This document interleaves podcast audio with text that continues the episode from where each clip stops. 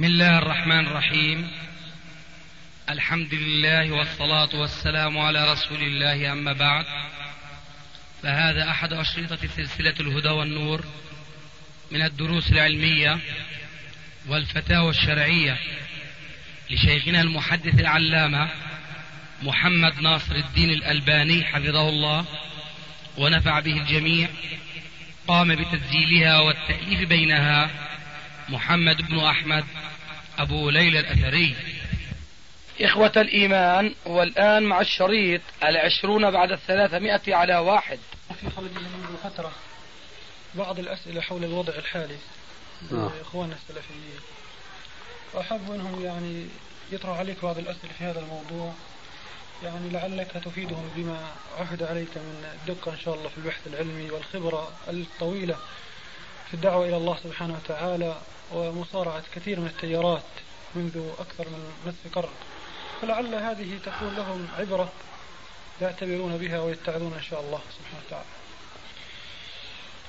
هناك ما بي بين الأخوة من يقول علم ثم كتل. كتل الناس. ومن يقول كتل ثم علم. ومن يقول كتل من تعلم. ومن يقول علم ولا تكتل. فنرجو إفادتنا في هذا الباب. جزاك الله خير.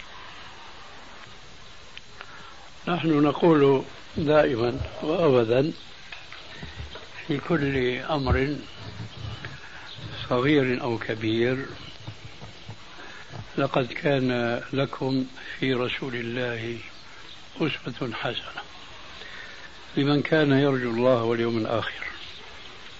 وذكر الله كثيرا. ولا شك أن هذه الأقوال التي حكيتها لا يلتقي شيء منها. مع هديه عليه الصلاة والسلام والذي هو أسوتنا إلا القول الذي يقول حقف ثم كدر ذلك هي سيرة الرسول عليه الصلاة والسلام التي بدأت منذ يوم أنزل الله عز وجل عليه اقرأ باسم ربك الذي خلق. ثم بدأ عليه الصلاة والسلام يدعو الناس سرا.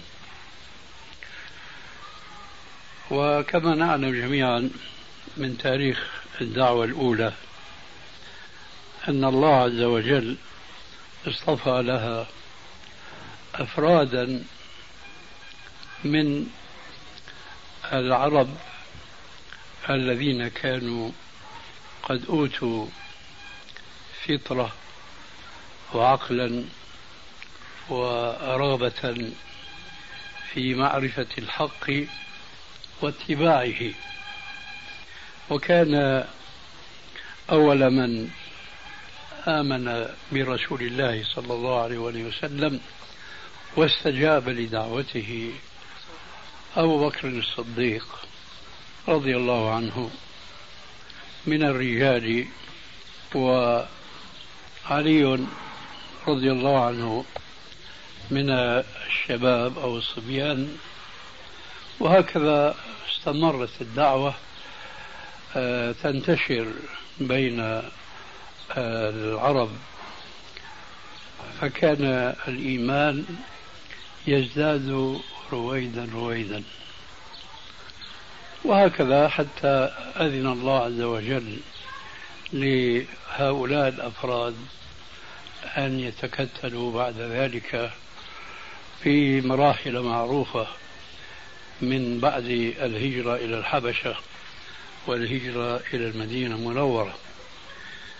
فلذلك فلا يجوز لمن كان اولا صادقا في ادعائه أن النبي صلى الله عليه وآله وسلم هو أسوته في كل شؤون حياته أن يحذو أو أن يسلك طريقة أخرى في تكتيل الناس إلا على الطريقة التي كان عليها رسول الله صلى الله عليه وآله وسلم. ونحن نعلم علما وتجربة أن الطريق التي سلكها الرسول صلى الله عليه وآله وسلم في تثقيف الناس وتعليمهم تأخذ وقتا طويلا وجهودا كثيرة جدا. الأمر الذي لا يصبر عليه إلا أفراد قليلون من الناس. ولذلك الغالب على كل هذه الجماعات التي حكيت عنها ما حكيت من أقوال هو التسرع في الوصول إلى تجميع المسلمين وإقامة الدولة المسلمة المنشودة ولكن في الواقع أن أي جماعة لا تسلك سبيل الرسول عليه السلام في التكتيل على أساس من الثقافة والمعرفة بالإسلام فسيكون عاقبة أمرها خسرة فهذا الذي ندين الله به وندعو إليه منذ أكثر من نصف قرن من الزمان أنه لا بد من التثقيف ثم التكتيل.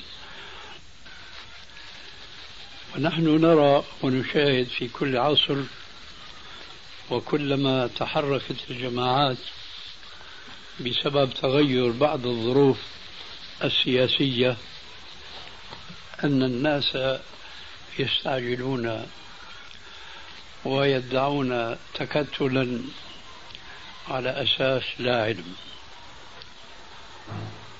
وقريبا اطلعت على نشرة وأظنها لبعض من تحمس في الوقت الحاضر لتكتل إسلامي سلفي مزعوم. لقد تكلم كثيرا في أول هذه النشرة كلاما مقبولا ولكنه في آخرها انحرف عن الخط حينما بدأ يزعم إلى متى نظل نشتغل بأن هذه أحاديث صحيحة وهذه أحاديث ضعيفة وهذه سنة وهذه بدعة؟ يجب أن نشتغل في الاقتصاد والسياسة ونحو ذلك. فعجبت لأننا نشعر والأسف من قلوبنا أن هذا الذي يدندن في إنكاره حيث أن هناك بعض الأفراد في العالم الإسلامي يعملون في علم الحديث ولا يوجد أفراد يعملون فيما هو يدندن فيه الآن من المعرفة بالسياسة والاقتصاد ونحو ذلك. فكيف يريدون أن يقيموا تكتلا لا يوجد في هذا التكتل أفراد بالعشرات.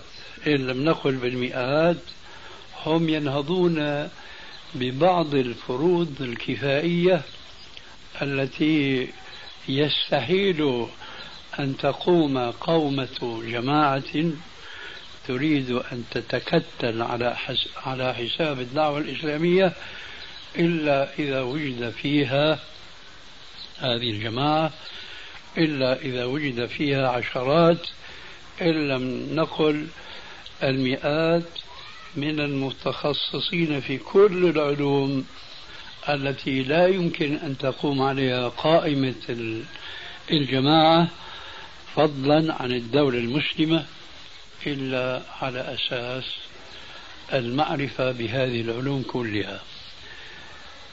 فهذا الكلام يشعرنا بأن هؤلاء الناس آه، يتجاوبون مع العواطف ولا يتجاوبون مع العقل والعلم لأن هذه الجماعة إذا كانت تشكو من عمل أفراد في جانب من العلم الشرعي اللي هو من الفروض الكفائية ويريدون أن يعمل هؤلاء أو غيرهم في الجوانب الأخرى من العلوم التي هي من الفروض الكفائية وليس هناك من يعمل فكيف يكون عاقبة هذا التكتل الذي يقوم على الجهل وليس على العلم بالمعرفة بالإسلام من كل جوانبه؟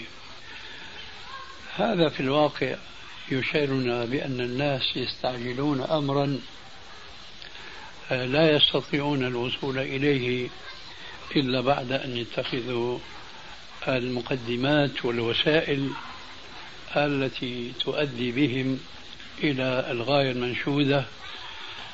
هذا بلا شك عاقبة من ينسى أو يتناسى أن يمشي في دعوته إلى الإسلام على خطى الرسول عليه الصلاة والسلام التي قامت على أساس التثقيف ثم التقتيل.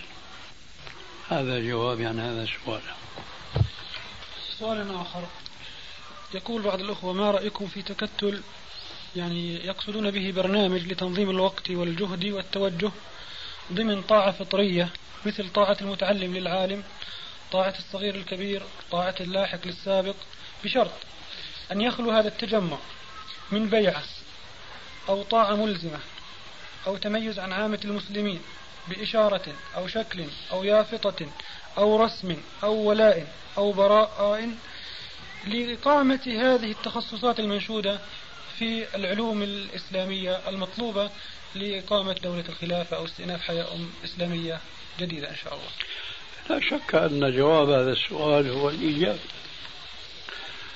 لكن هذه الواقع تحتاج إلى أناس ممن أشرنا إليهم آنفا أن يكونوا قد أوتوا حظا من العلوم الضرورية. أنا لعلي ذكرت لكم في بعض المناسبات مرارا وتكرارا. أن التكتل الإسلامي يحتاج إلى أفراد مختلفي الاختصاصات. مثلا ينبغي أن لا نتصور أن من كان خطيبا مفوها يأخذ بالباب وبقلوب السامعين لخطبه أن يكون عالما بالكتاب والسنة. كما أننا لا ينبغي أن نتصور العكس تماما أن من كان عالما بالكتاب والسنة أن يكون خطيبا مفوها. أو أن يكون قد جمع العلوم كلها. كما تحقق ذلك في أفراد في كل هذه القرون الإسلامية. أي أن يتوفر في شخص واحد كل المقتضيات والمتطلبات التي تطلبها الدعوة.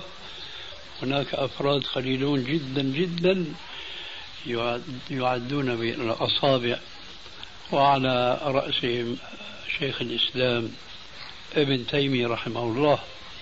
ولذلك فهذا النقص الذي يوجد في مجموع الأفراد إنما يكمل بتكتل هؤلاء الأفراد وتطعيم كل علم بالآخر مما قام في مجموعة من الأفراد. ولذلك فهذا الذي جاء في هذا السؤال هذا أمر واجب مما يصح أن يقال فيه. لا يختلف فيه اثنان ولا ينتطح فيه عنزان ولكن أين أولئك الرجال الذين يستطيعون أن يقوموا بهذا الواجب؟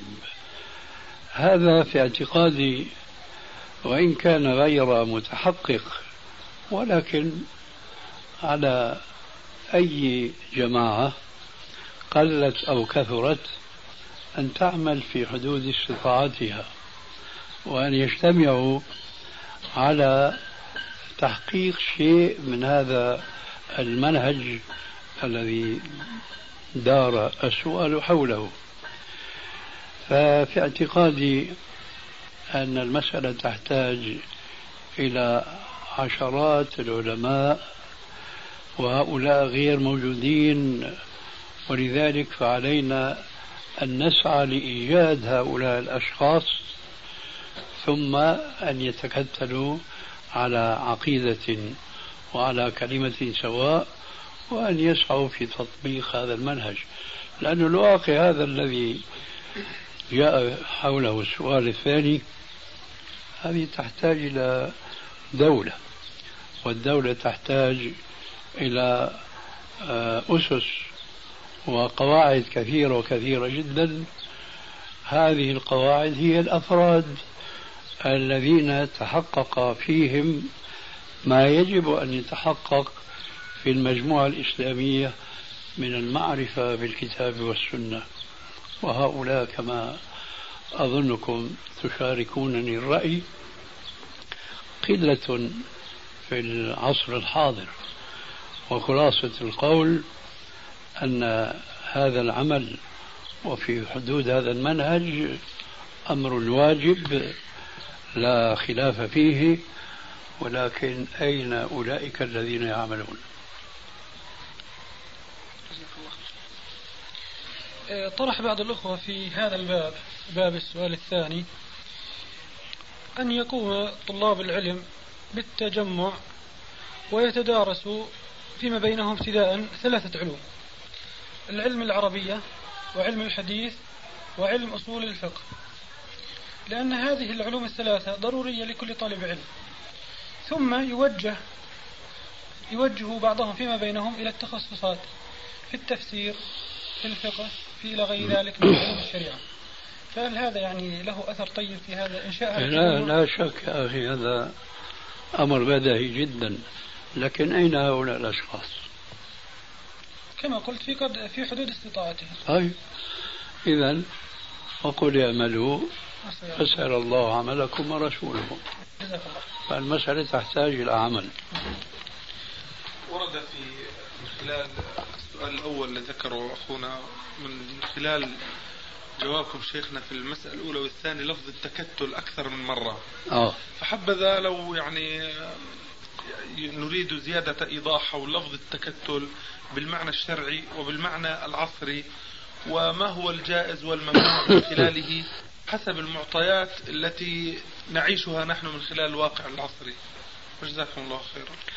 طبعا نحن نريد بكلمة التكتل ما جاء في الكتاب والسنة وبخاصة السنة التي توضح كما هي شأنها دائما وأبدا ما كان مجملا في الكتاب الكريم. كثيرا ما رددنا على مسامعنا قوله تبارك وتعالى ومن يشاقق الرسول من بعد ما تبين له الهدى ويتبع غير سبيل المؤمنين. نوله ما تولى ونصله جهنم وساءت مصيره. فنحن نعني بالتكتل خلاف ما يعنيه غيرنا بهذه الكلمة أو بما يرادفها عندهم من التحزب. لا نريد بهذا التكتل إلا تجميع المسلمين كلهم على طريقة الكتاب والسنة. وأن هذا صراطي مستقيما فاتبعوه ولا تتبعوا السبل فتفرق بكم عن سبيله والحديث الذي يقول يد الله على الجماعة والحديث الآخر الذي جاء فيه فإنما يأكل الذئب من الغنم القاصية. فنحن نريد بالتكتل أن يتعاون المسلمون على فهم الكتاب والسنة وعلى تطبيقه في حدود استطاعتهم.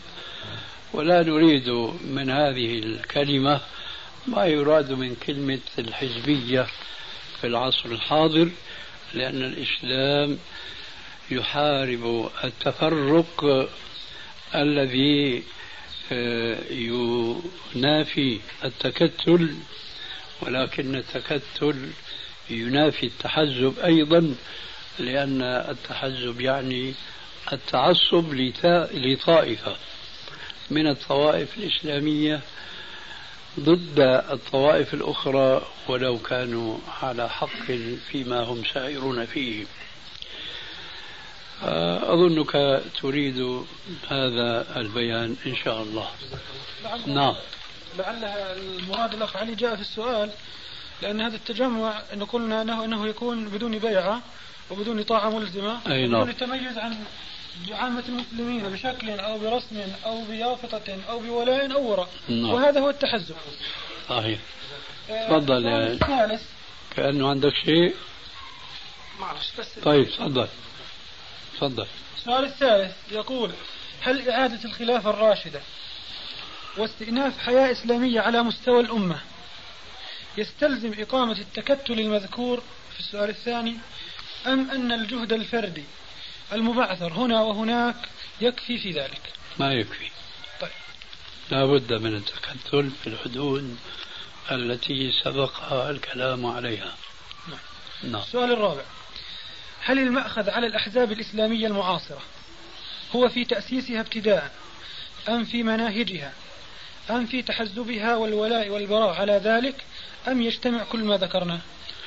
باعتقادي إما كان كل ما ذكرت يجتمع فأكثره وأصل ذلك أن هذه التكتلات وهذا الذي نحن يعني نلفت النظر عليه دائما حتى لو قام تكتل سلفي محض فيجب أن يكون على العلم.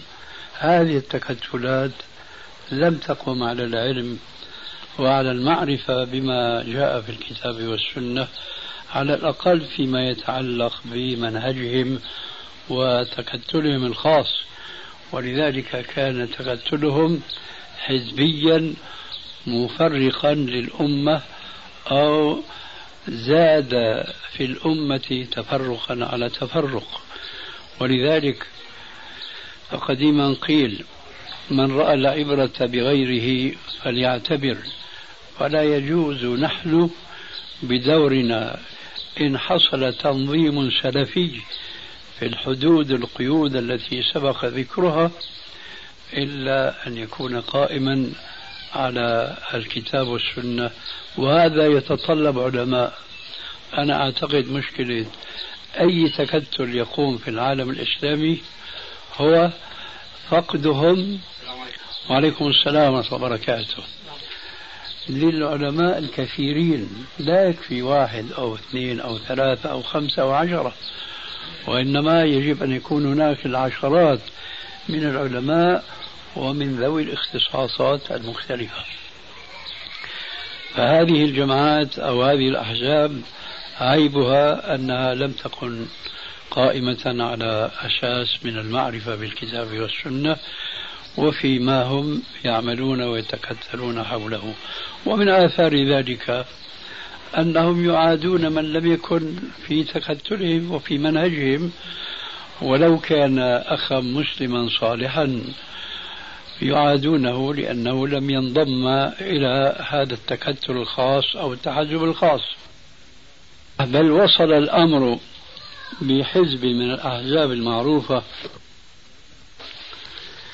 إلى أن من مبادئهم أن يفرضوا على كل فرد من أفراد حزبهم أن يتبنوا أي رأي يتبناه الحزب مهما كان هذا الرأي آه، لا قيمة له من الناحية الإسلامية لكن قيمة هذا الرأي من الناحية التكتلية الحزبية.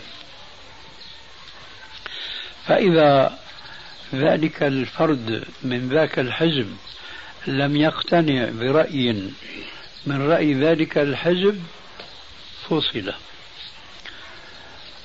ولم يعتبر من هذا الحزب الذي يقولون إنه حزب إسلامي. وهذا معناه أن يعود هؤلاء الناس إلى ما يشبه النصارى في اتباعهم لأحبارهم في تحريمهم وتحليلهم. أولئك الذين نزل في حقهم قوله تبارك وتعالى اتخذوا أحبارهم ورهبانهم اربابا من دون الله والمسيح ابن مريم. ينبغي على أي تكتل إسلامي صحيح أن يعطى للأفراد حريتهم العلمية. فلا مانع أن يكون في ذلك التكتل الإسلامي شخصان أحدهما يخالف الآخر لأننا نعتقد كما قيل قديما وكل خير في اتباع من سلف وكل شر في ابتداع من خلف. فكما نعرف أنه كان في السلف الأول نوع من الاختلاف في بعض المسائل الشرعية فما كان ذلك بالذي يلزم الحاكم المسلم بأن يفرض رأيه على كل مسلم يتبناه ولو كان مخالفا لرأي هذا الفرد. ومما يحسن ذكره بهذه المناسبة رأي عمر رضي الله عنه وهو الخليفة الراشد والذي شهد له الرسول عليه السلام بقوله ما سلكت فجا إلا سلك الشيطان فجا غير فجك كان قد رأى بعض الآراء ومع ذلك فقد خولف فيها وإن كان اتبعه في ذلك بعض من جاء من بعده كمثل آه، نهيه الناس عن التمتع بالعمرة إلى الحج علما بأن ذلك وارد في الكتاب وفي السنة الصحيحة. فمن تمتع بالعمرة إلى الحج فما استيسر من الهدي لكنه رأى لمصلحة بدت له أن يمنع الناس أن يجمعوا بين العمرة والحج. وتلقى ذلك منه الخليفة الثالث والراشد عثمان بن عفان رضي الله عنه. فمنع الناس أيضا في خلافته أن يجمعوا بين الحج والعمرة. ولما حج وأعلن ذلك على الناس وهنا الشاهد وقف في وجهه علي بن أبي طالب رضي الله عنه فقال له ما لك تنهى عن شيء؟ فعلناه مع النبي صلى الله عليه وآله وسلم ورفع صوته قائلا لبيك الله بعمرة وحج.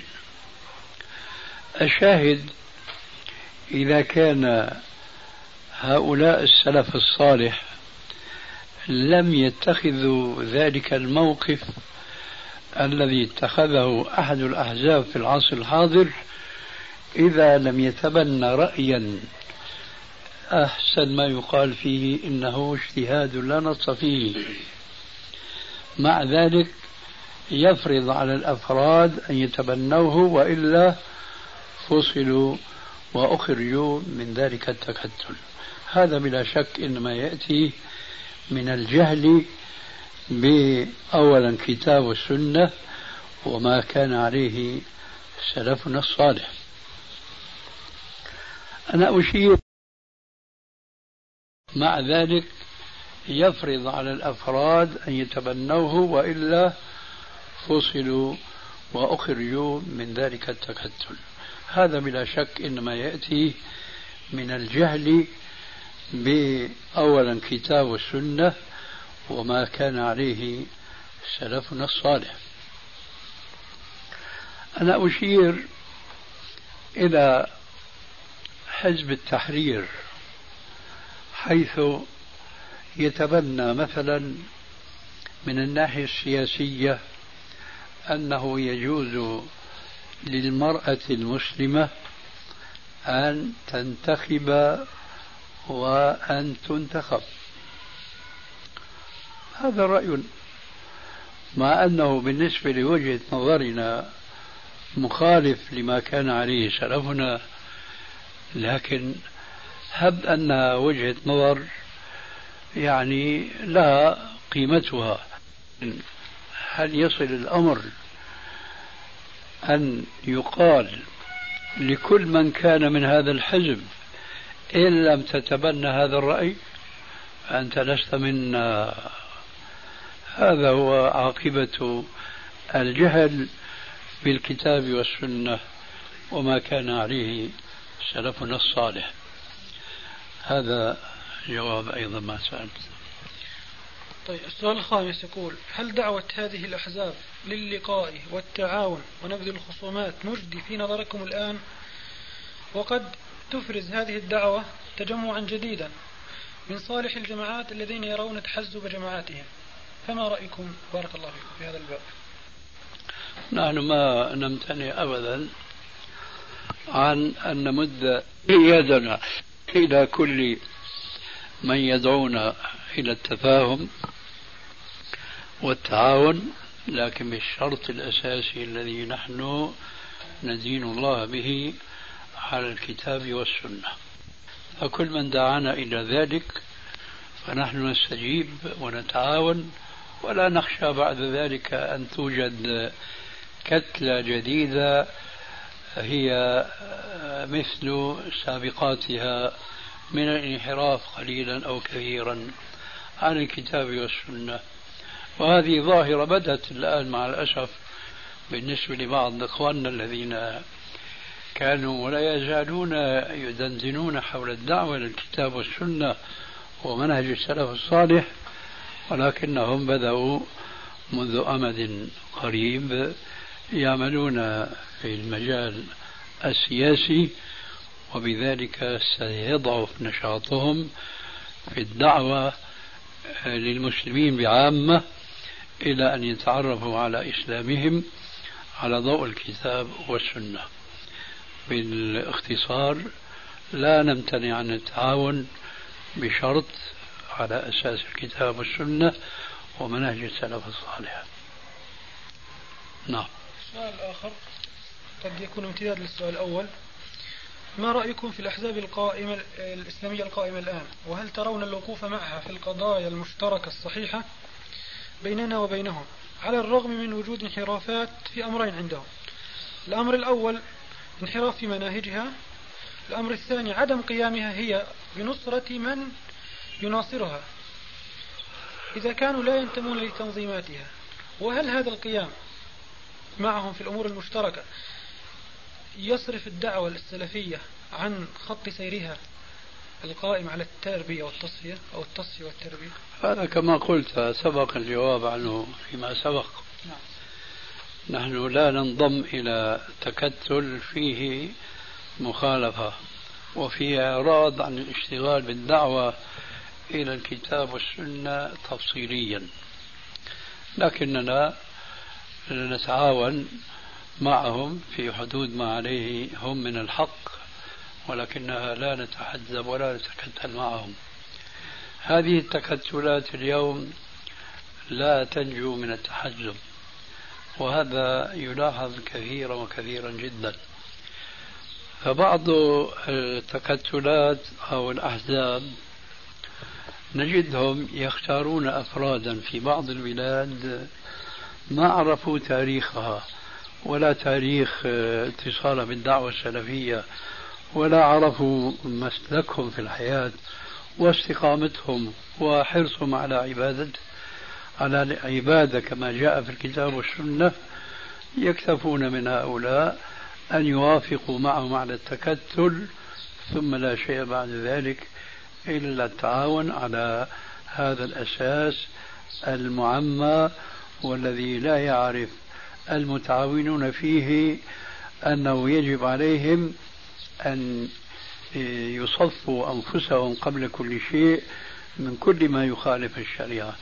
هذه علامة بارزة جدا حينما يتوجه بعض الأحزاب لاختيار من يوافقهم على تكتلهم ولو لم يكن هناك في تمسكه بشريعة الله عز وجل وبالأخلاق الإسلامية.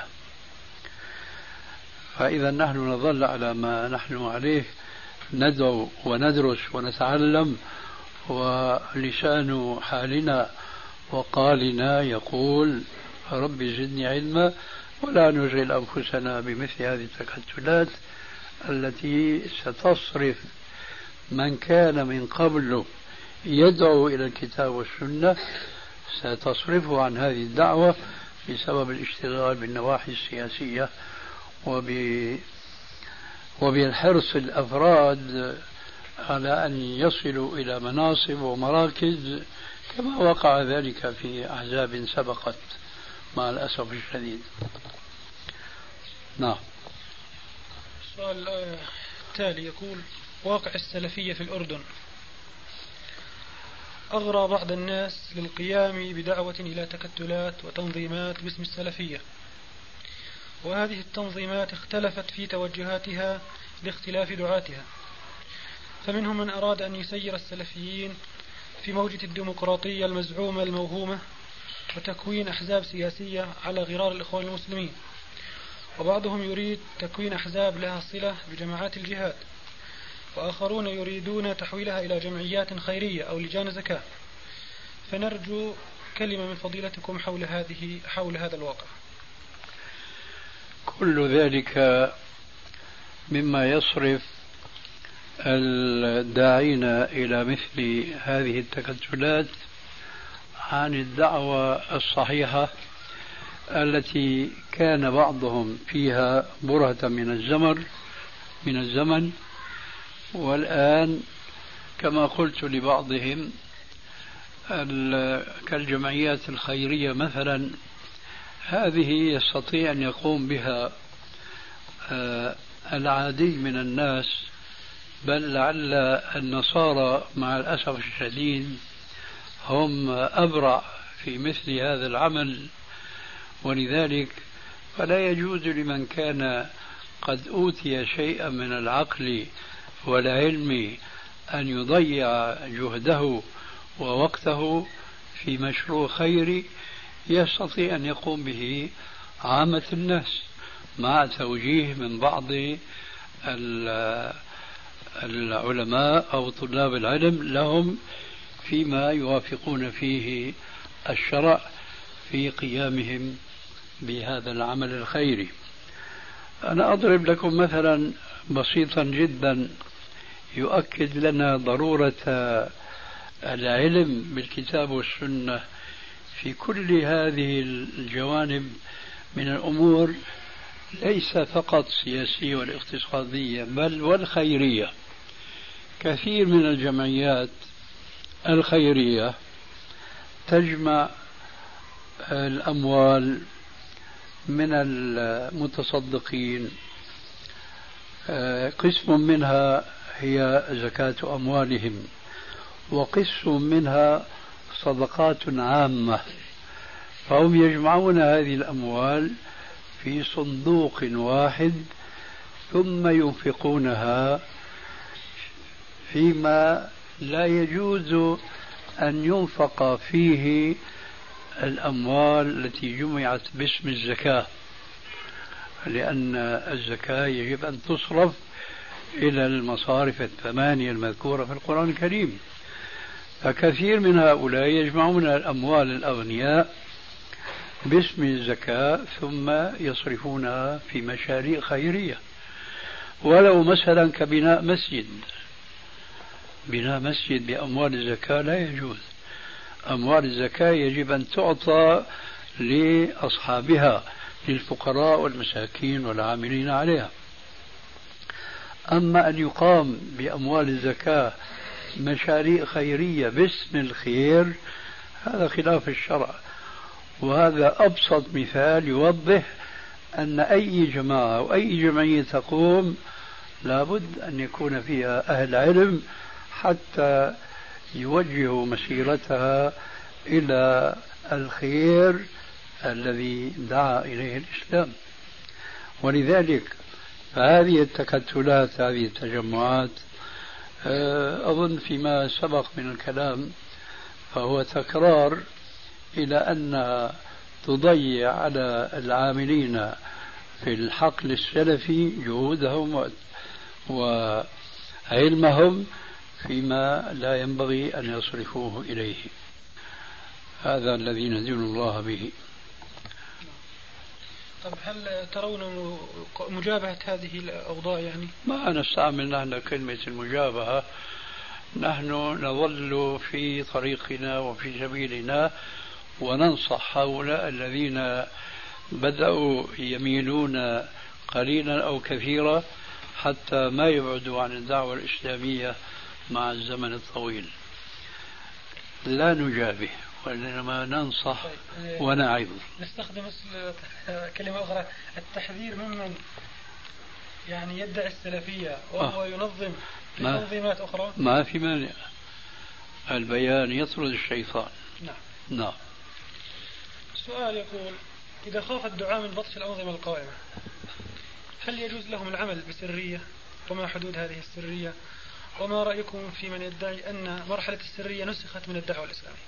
أنا ما أعتقد أن الأوضاع السياسية الآن تصل بالمسلمين أن يعودوا في دعوتهم الحق يعني دعوة التوحيد دعوة عبادة الله كما شرع الله أنهم يضطرون إلى أن يدعوا إليها سرا. ما أظن هذا.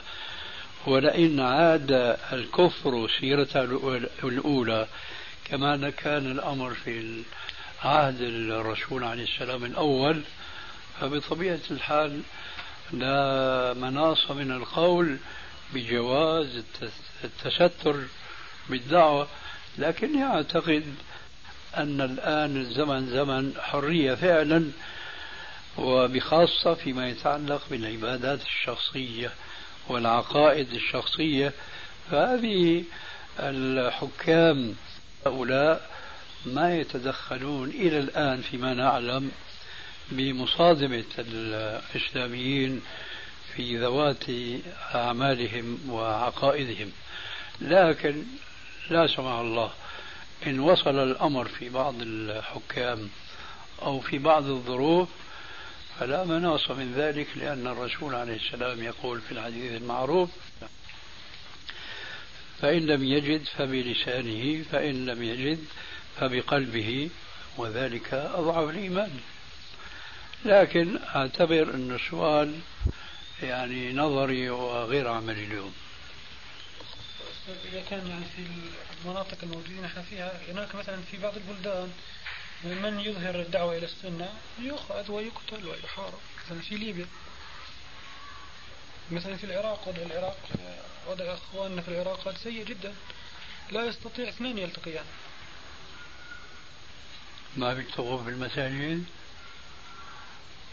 بشكل عام من طيب يكفينا إلى ذلك. يكفينا هذا يا أخي. أنت رجعت الآن تكتل تقول ما يستطيع اثنان أن يجتمعا.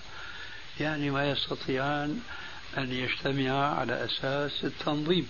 لا كدعوة كدرس مثل هذا الدرس. معليش لكن في المساجد موجود هذا اللقاء وهذا لم يكن في العهد الأول. نعم.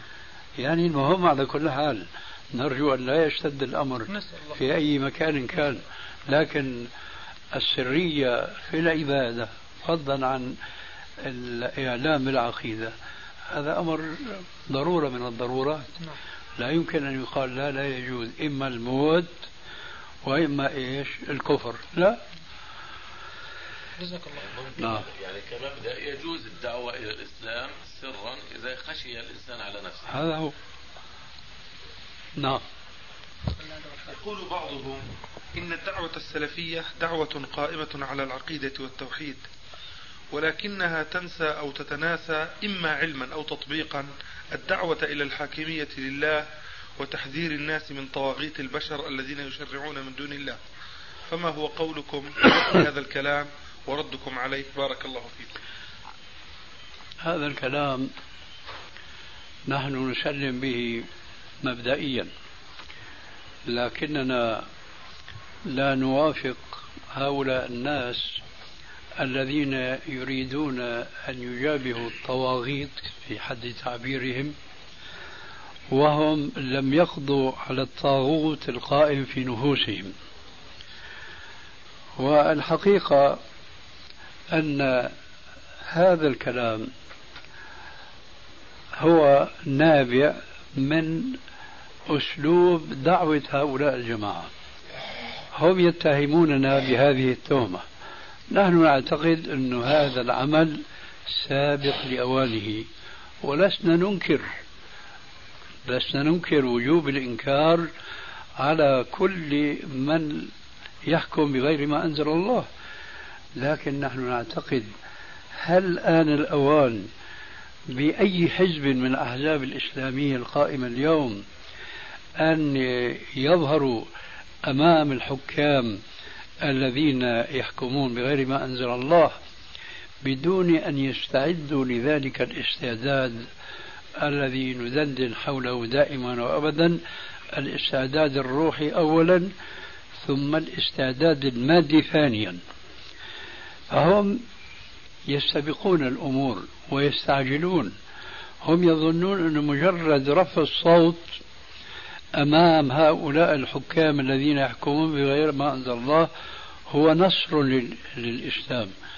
بينما النصر للإسلام حقيقة يكون بفهم هؤلاء الإسلام فهما صحيحا وجعلهم الإسلام في حدود طاقتهم يمشي معهم على وجه الأرض. وأنا في اعتقادي أن التاريخ يعيد نفسه. فكما كان المسلمون في العهد الأول لا هم لهم إلا أن يفهموا الدعوة من منبعها. من رسول الله صلى الله عليه وآله وسلم وليس أن يجابهوا الكفار والمشركين إلا حوادث فردية قد تقوم لكن كتكتل وتجمع لم يقع ذلك إلا بعد أن هاجر رسول الله صلى الله عليه وسلم من مكة إلى المدينة. فهذه شنشنة نعرفها من أخزم. وبخاصة أن قد وقعنا في تجارب عديدة في بعض البلاد الإسلامية من الإعلان في محاربة الكافر الذي يحكم بغير ما أنزل الله دون الاستعداد النفسي والمادي ما كان عاقبة ذلك إلا خسارة لحقت بالدعوة الإسلامية في كثير من البلاد الإسلامية. ولذلك فنحن يجب أن نمشي أن نأخذ بالأسباب الشرعية والكونية في الدعوة إلى المعرفة بالإسلام والعمل به كما كنت أجمل ذلك بكلمتين موجزتين وهي لابد من التصفية والتربية. وكل الأحزاب الإسلامية لا تقوم على هذين الركيزتين. التصفية والتربية. ليس هناك تصفية بدليل أنك لو نظرت في كل جماعة أو في كل حزب هل عندهم علماء علماء في التفسير علماء في الحديث علماء في الفقه المستنبط من الكتاب والسنة بعد ذلك علماء في السياسة علماء في الاقتصاد؟ ليس هناك شيء من هذا إطلاقا. فإذا كيف يستطيعون أن ينهضوا بهذا العمل العظيم جدا؟ وهو تطبيق الحكم الإسلامي على وجه الأرض وإعادة الخلافة الراشدة. فاقد الشيء لا يعطيه. لذلك لابد من اتخاذ هذه المقدمات التي تقوم على هاتين الكلمتين. التصفية والتربية وليس هناك علماء يصفون الإسلام من كل دخيل فيه سواء كان في العقيدة أو في الأحكام أو في السلوك أو في العلوم الحديثة التي جدت اليوم مما يعرف بالسياسة أو اقتصاد أو نحو ذلك.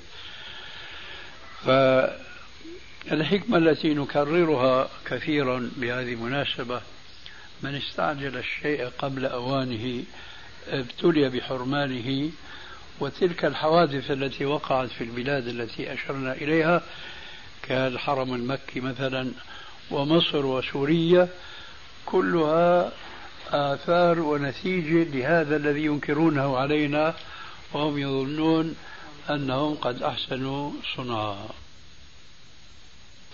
يقول بعضهم إن منهج الدعوة السلفية في التغيير قائم على التصفية والتربية وهو أمر مفهوم واضح كما سبق قريبا.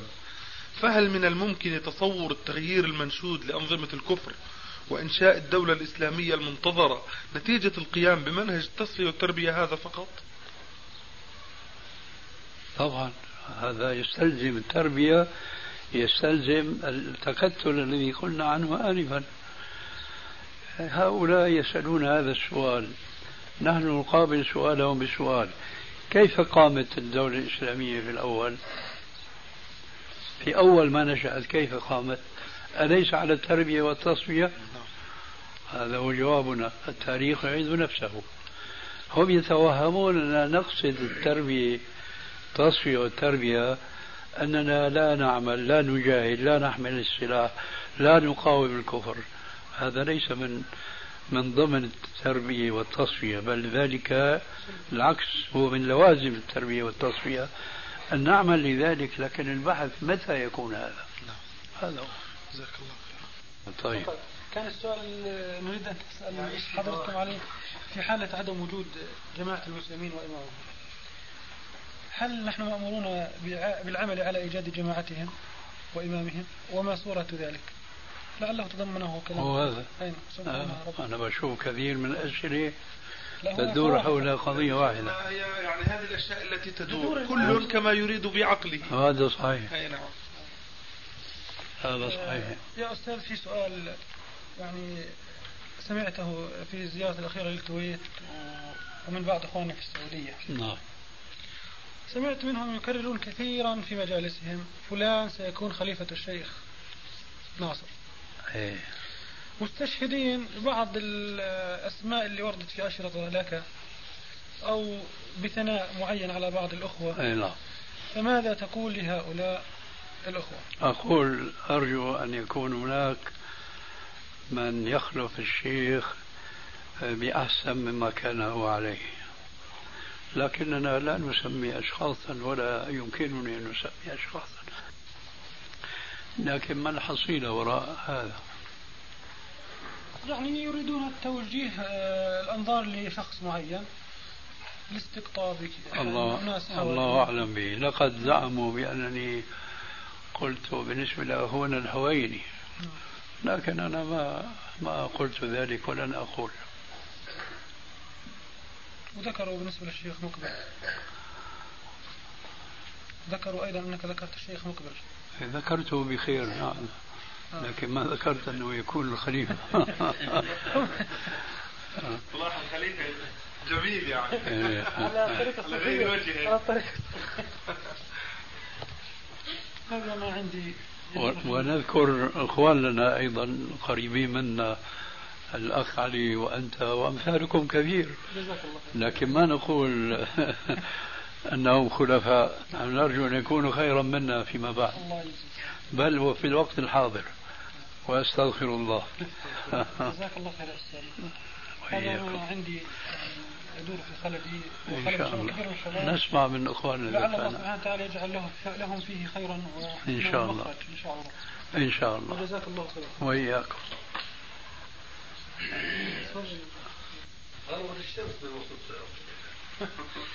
إذا كان التكتل محظورا أمام أولئك الذين لم يرسخ كعبهم بعد في العلم ومختلفه فهلا كان للعلماء الأجلاء الذين لهم دور بارز في هذا المضمار أو هذا المجال ألا يكون لهم لقاء مع العلماء الآخرين حتى يعملوا على التكتل ويكونوا القدوة لنا. الجواب بلى ولكن أين هم؟ وتعلم أنت أن نظام الكون أن أول الغيث قطر ثم ينامر.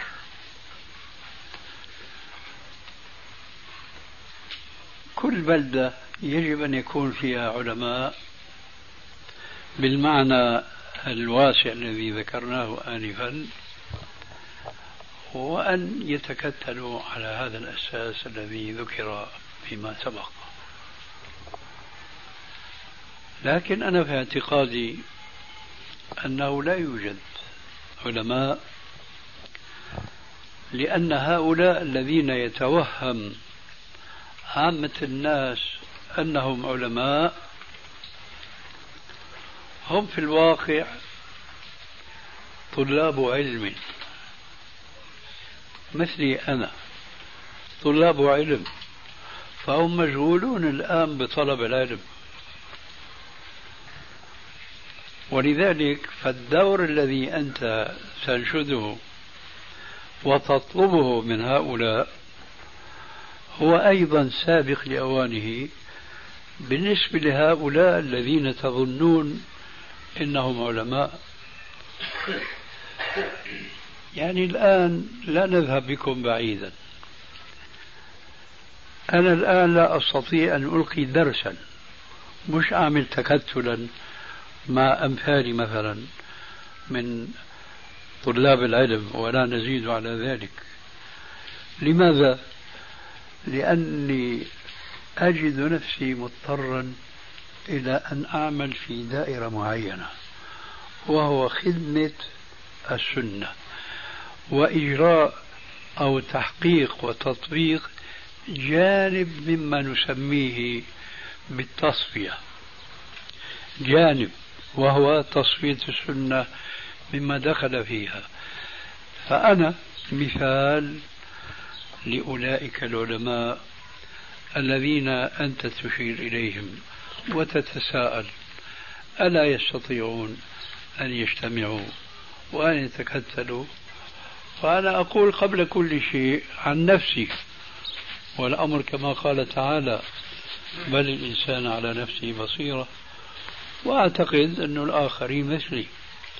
يعني كل لديه ما لا يسمح له بأن يمشوا خطوة إلى المشروع الذي ذكرته آنفا وجاء الكلام ودار الكلام حوله سابقا.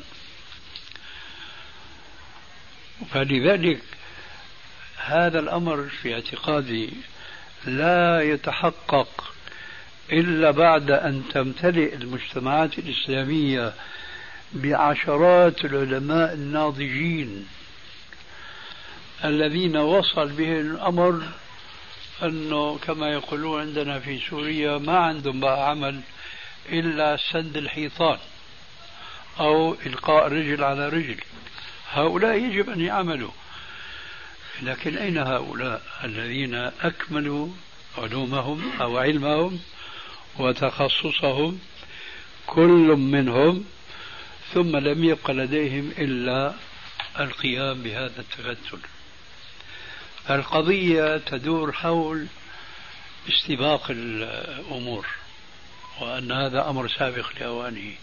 غير مستطاع سواء ما يتعلق أو ابتداء فيما يتعلق بالأفراد ثم بما يتعلق بالمجتمع السياسي أو الدولي أو ما شابه ذلك. فلعل هذا الجواب واضح بالنسبة لسؤالك. كان في عهد ابن تيمية رحمه الله علماء أجلاء كانوا يعاونونه على ما أقدم عليه. وكيف لا؟ وأين أنت من ابن القيم؟ وأين أنت من ابن عبد الهادي؟ وأمثالهم كثير وكثير جدا. إذا كان هو العالم وأولئك تلامذته. فتعاون المعلم والتلميذ على مواصلة المشوار. أليس كذلك؟ هو كذلك بس وين ابن تيمية؟ بارك الله فيك. نحن عم وعهدنا بك. لا نحن. تقل عن أولئك. أعوذ بالله. ومن تشبه بأهل الخير. اللهم اللهم لا تؤاخذني بما يقولون.